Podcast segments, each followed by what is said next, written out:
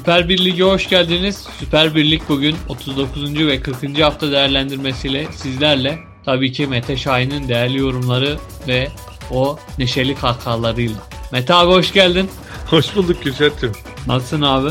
E, iyiyiz vallahi artık koskoca bir sezonu hemen hemen geride bırakmış olmanın verdiği mutlulukla diyelim. Bana göre artık tabii sayılır son 2-3 hafta. Belki de bu hafta son hafta olacak Beşiktaş Galatasaray maçıyla.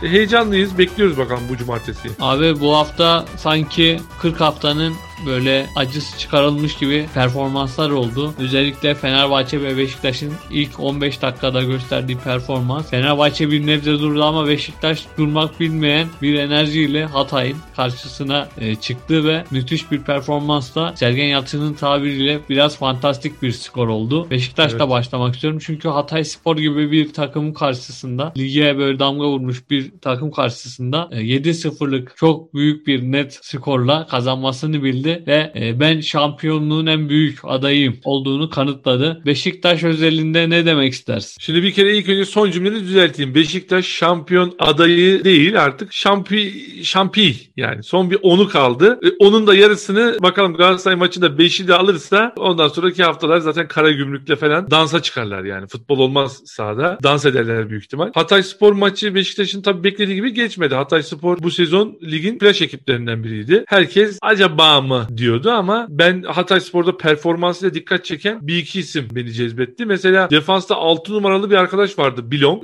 Beni çok şaşırttı. Jean-Claude Bilong. Yani Jean-Claude Van Damme'dan hiç mi örnek almadı? Bir hırsı olur insanın. Bir baskısı olur. Beşiktaş hücumcularına hiç zorluk çıkartmadı Bilong. İki tane pozisyonda offside'ı bozdu. İki pozisyonda arka arkadaki oyuncuları kaçırdı derken zaten bir maç bir anda 4-0 oldu. Hani atılan 7 golün çoğunda Bilong'un hatası vardı. Zaten şey 45 dakika dayanabildi. Yani 5-0'lık maçın hani 5 golünün 5'inde de hatası olur mu bir insanın? Mesela Bilong'u 5 dakika oynatabilir Murat Sönmez hoca. 5. dakikada çıkarttı. Daha fazla dayanamadı. Onun yerine Abdurrahman'ı tercih etti ikinci yarıda. Mesela onun performansı çok dikkatimi çekti. Onun haricinde hani ileri dörtlüde Akintola, Traore, Bupenza, Diouf onlar da çok etkisizlerdi. Hani ligin gol krallığına damga vurmuş iki isim var bu Hatay'da. Onlar da çok etkinlik göstermiyor. Bir tehdit yaratamadılar Beşiktaş karşısında. Beşiktaş'ta gerçekten tabii onlar da her alanıyla, orta sahasıyla, kanadıyla, santroforuyla, defansıyla her anlamda Beşiktaş gerçekten üzerine düşeni yaptı. Tabi hafta başında herkes Sergen Hoca'nın Hatay'a karşı olan tutumunu konuştu. Yani çok sert açıklamalar yaptı Sergen Hoca. İşte Hatay görecek pazar günü neler olacağını diye. Çok sert açıklamalarda bulundu. Herkes maçı çok merak ediyordu ve Sergen Hoca'nın bu sert tutumu futbolculara da yansımıştı. Hani dakika 40'tı. Maç 4-0'dı. Hala Beşiktaş futbolcular önde baskı yapıp Hatay'a top yaptırmadı ve bulduğu her pozisyonda e, incelikle ve tizlikle sonlandırmış oldu. Çok güzel bir maçtı. Yani böyle maçları biz özlemişiz. Eskiden e, ligimizde böyle maçlar daha fazla oluyordu Kürşat. Yani böyle 5-0'lık 6-0'lık maçlar. Ama tabii alttaki Anadolu takımları daha fazla kapandığı için ve ne yazık ki borçlarından dolayı büyük kulüplerde çok fazla yıldız statüsünde futbolcu bulamayıp alttan da futbolcu çıkaramayınca çok fazla gollü maçlar izleyemiyorduk. Ama bu maç bize valla Ramazan'da Osmanlı şerbeti gibi geldi. Hani bitmesin istedik. Böyle soğuk bir suyu lıkır lıkır içersin ya Kürşat. Oruçsundur, iftar vakti gelmiştir, hava sıcaktır, bunalmışsındır. Ee, hoca Allahu Ekber der, sen orucu bozarsın. Hani lıkır lıkır suya dayanırsın. İşte aynı öyle bir maçtı Beşiktaş Hatay maçı. İnşallah son kalan 3 haftada da bu tarz maçları gösterirler bize. Ben mesela Beşiktaş adına hani şampiyon olur mu olmaz mıdan daha çok ben farklı bir bakış açısı getireceğim Kürşat. Sence Beşiktaş 100 golü bulur mu? Şu an baktığımızda 85, 85 golü var. 85 evet. golü var. Bence Beşiktaş şampiyonluğu hani 3 maçı da almak için çıkacak. O iştahı da görebiliyoruz. Çünkü Sergen Yalçın'ın mesela o ilk başta dediğin gibi Hatay Spor'a karşı o söylemleri aslında altını doldurdu 7-0'lıkla bir skorla. Tabii. Ama Galatasaray maçında ben bir beraberlik bekliyorum. Ben Karagümrük maçında Beşiktaş'ın şampiyonu olacağını düşünüyorum. Çünkü Beşiktaş'a biliyorsun bir beraberlik ve bir galibiyet yetiyor. Galatasaray maçında beraberlikte Karagümrük maçında da galibiyetle ayrılacağını düşünüyorum. Bence 100 golü bulmaz. Şimdi ben şöyle düşündüm. Şimdi Beşiktaş bence Galatasaray maçında berabere dahi bitmiş olsa gollü bir beraberlik olacak. Çünkü mesela Fatih Hoca'nın da Sergen Hoca'ya bir göndermesi oldu. Yanlış hatırlamıyorsam. Ne dedi Kürşat? Sergen Hoca hangi gün istiyorsa hani biz o zaman oynamaya hazırız gibi bir ifadesi oldu. Şimdi iki taraf da birbirine demek ki iyi bilenmiş. Mesela bu maçta böyle bir 2-2, 3-3 ya da 3-2 Beşiktaş'ın galibiyetiyle sonuçlanacak bir maç. Beşiktaş'ı 88-87 gol e, barajına taşır ve Karagümrük maçı bana göre Beşiktaş'ın patlama maçı olacak. O maçta herhalde Beşiktaş artık 5 gollü 6 gollü bir galibiyet yakalarsa son maç zaten İzmir'de daha çok genç ağırlıklı. Belki de hani futbolcuları ödüllendirme babında hani gol krallığında çünkü Larin de farklı bir yere geldi. Abu Bakar da belki bir patlama sükse yaparsa o da belki Hatay Sporlu Yuf'la Penza'ya yetişebilir. Hani belki de Göztepe maçında da böyle bir 100 gole yaklaşabilir mi? Böyle bir 97-98 hani böyle 100 gole çünkü hani bizim ligimizde hatırlamıyorsam 100 gol barajını geçen ben sanki Beşiktaş diye hatırlıyorum ama 103 103 golü Fenerbahçe mi atmıştı? Fenerbahçe. Beşiktaş mı atmıştı? Fenerbahçe. Fenerbahçe mi Beşiktaş mı o konuda? Fenerbahçe miydi? Aynen. O zaman Fenerbahçe'yi belki de hani Namalup takım. egale edecek gibi Şöyle. Beşiktaş'ın rekorları şöyle. Namalup şampiyon tek ligimizde Beşiktaş. Biliyorsun bir de statsız şampiyon olmuşlardı. O Atletico Olimpiyat statında oynuyorlardı hatırlıyorsan. Evet evet evet. O, Statsız o şampiyon.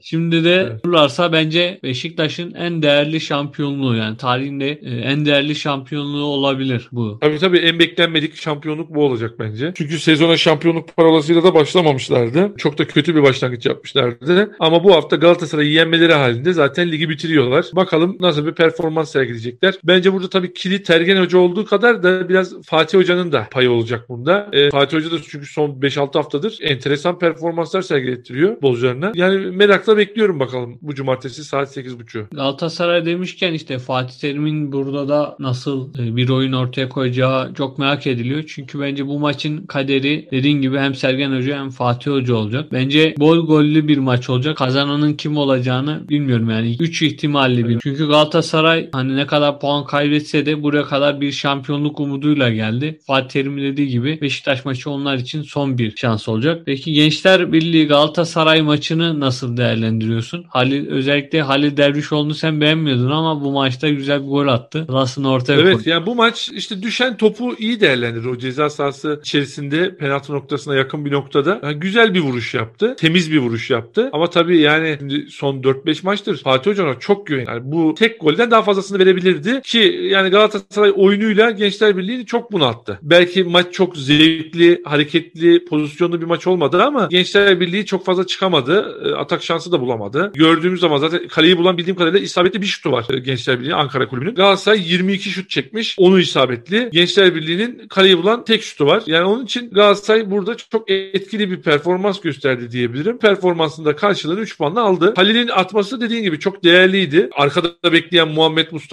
ve Falcao var. Yani ikisi de çok kaliteli futbolcular. Onları kesip de ona şans vermesi de ilginçti. Fatih Hoca'nın. Çünkü yani ister istemez tabii bunlar Fatih Hoca'nın da hani tam belki çok istekli ve çok hevesli kurduğu bir kadro değildi Fatih Hoca'nın. Çok daha fazlasını istiyordu. Yüzü daha yükseklerdeydi ama e, Galatasaray'da yani bir 15-20 hafta Belhanda'nın sırtındaydı yani. Belhanda'dan çok şey beklediler. Belki de Fatih Hoca'nın bu diretmesi Galatasaray'a bu sezon şampiyonluktan etti. Yanlış mı düşünüyorum? Çok kadro tercihinden dolayı, oyunu sürekli değiştirmesinden dolayı özellikle Fenerbahçe maçından sonra belki de şampiyonluk ondan gitti diye düşünüyorum ben. Hani daha çok sağ Evet. dışı olaylarından daha çok daha içinde Fatih Terim'in performans düşüklüğü Galatasaray'a da çok yansıdı. Ondan dolayı Evet. bir kayıp olarak bence bu sene e, görülüyor. Tabii tabii. Yani bu sene Fatih Hoca'ya kesinlikle eksi yazar Kürşat. Çünkü mesela ben şunu da düşünüyorum. Mesela Arda'yı bu takıma çağırıp monte etmeye çalışması. Ya ben, bence çok büyük bir yanlıştı bu. Bu niye Fatih Hoca'nın o karizması? Yani Arda tamam özür dilemiştir. Hani Fatih Hoca'nın elini öpmüştür, gelmiştir ama ya burada e, şimdi tabii ki özür dilemek çok büyük bir erdemdir. Ama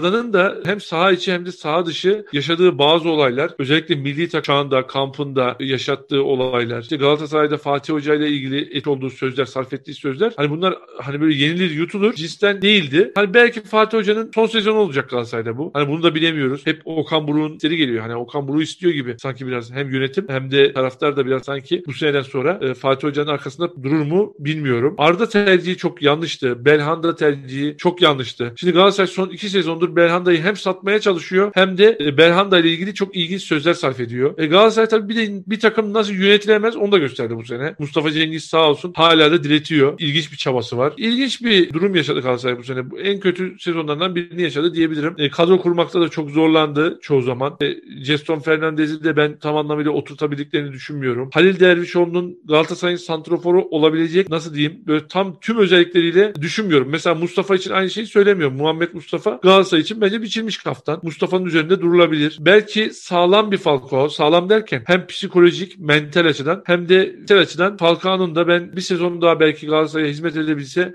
etkili olabileceğini düşünüyorum ama hani Babel'dir, Belhanda'dır, Feguli'dir, Arda'dır. Yani Galatasaray'da o kadar fazla kambur var ki daha bir de üstüne defansın sağ ve sol taraflarında hala Ömer Bayram ve Şener oynuyor. Yani Galatasaray'ın büyük ihtimal bir dahaki sene bu kadrodan bir ya da iki kişi kalacaktır diye düşünüyorum bu saydığım isimlerden. Onun harici komple bir revizyona gidecektir. Onlar da son şanslarını ne olursa olsun bakın bu kadar kötü bir senaryo çizdim ben bu sene için. Bu kadar kötü bir e, geçmişe sahip Galatasaray'ın 2020-2021 sezonunda ama ona rağmen mesela Beşiktaş'ı yense gene bence gene umudu yok. Karagümrük ve Göztepe'de ben Beşiktaş'ın takılacağını düşünmüyorum da yine de Galatasaray bu maçı yenmiş olsa son haftaya kadar şansını götürmüş olacak. Bakalım ne olacak ama ben dediğim gibi Galatasaray'a bu hafta şans vermiyorum. Ee, Beşiktaş en az beraberlik alır ve kazanır diyorum bu hafta. Sergen Hoca eğer kafaya taktıysa neler yapabileceğini bu hafta Hatay'da gösterdi. Ben de dediklerine katılıyorum. Bir şampiyonluk ihtimali var. Ancak bence Galatasaray Beşiktaş yenmesi halinde Beşiktaş bir takıldığında Fenerbahçe zaten şampiyon oluyor matematiksel olarak. Fenerbahçe'nin yani. bence ihtimali daha fazla çünkü Galatasaray'ın iki takımı geçmesi gerekiyor. Fenerbahçe'de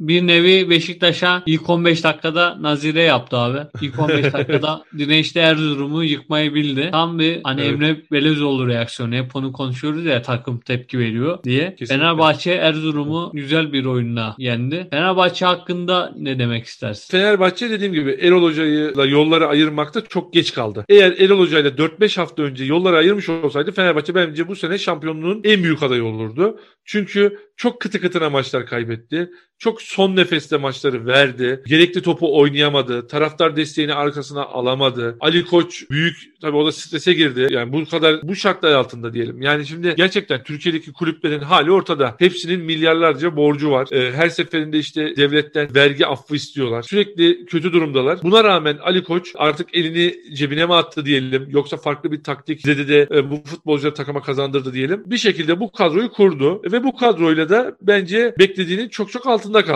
Ama son haftalarda Emre Belezoğlu ile müthiş bir performansı var bence. Yani özellikle bu maç 70 dakika 80 dakika çok etkili bir futbol oynadı Fenerbahçe.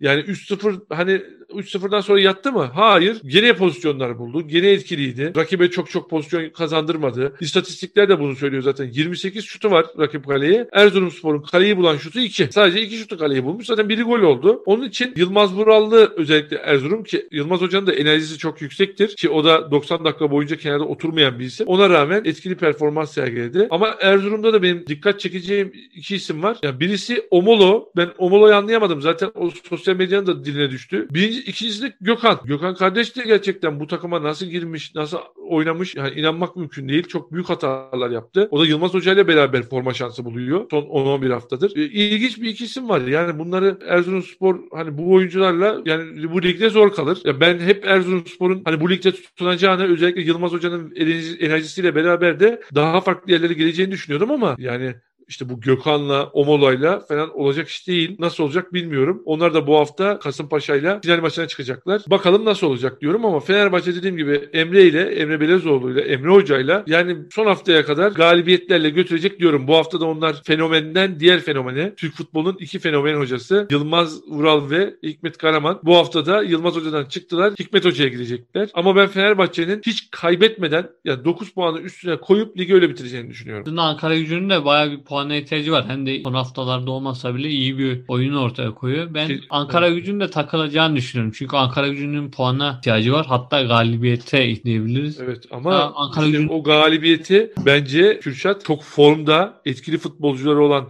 Fenerbahçe değil de keşke bu hafta Başakşehir'e gösterebilselerdi. Tabii Ankara gücü adına konuşuyorum. Yapabiliyorsa bunu bence Başakşehir'e yapacaktı ki 60. dakikaya kadar da 1-0 öndeydi. Baktığında Erzurumspor da Başakşehir'de öndeydi. Yani Başakşehir'in evet. iki maçta 1-0'dan 2-1 kazanması artık kadro kalitesi mi dersin? Tecrübe mi? Yani evet tabii şimdi düşen topları affetmiyorlar. Dediğin gibi Erzurumspor maçında da gerçi işte bir penaltı pozisyonu vardı sonuçta Chadli'nin penaltısıyla ve 85. dakikada Gulbransen'le gülmüşlerdi.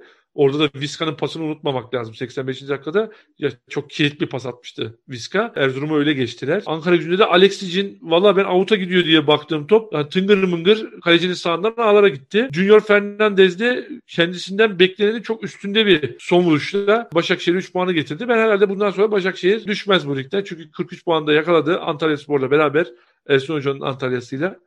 El ele kol kola ligde kaldılar. Ama tabii düşme hattında Malatya, Kasımpaşa, Kayseri, Ankara gücü ve Erzurum. Bana göre Gençler Birliği ve Denizli kesinlikle zaten Denizli matematiksel olarak da düştü. Gençler Birliği'nin hani matematiksel bir çırpınışı olacaktır belki ama Gençler Birliği de düştü.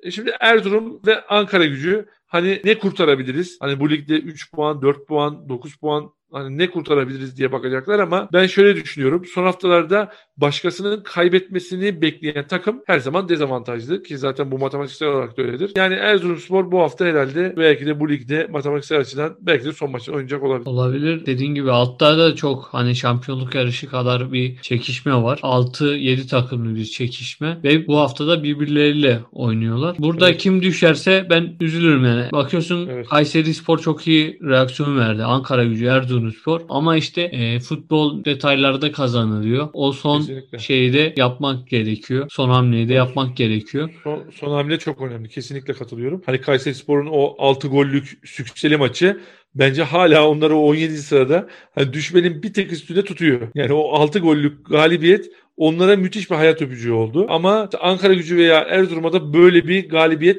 kesinlikle şart.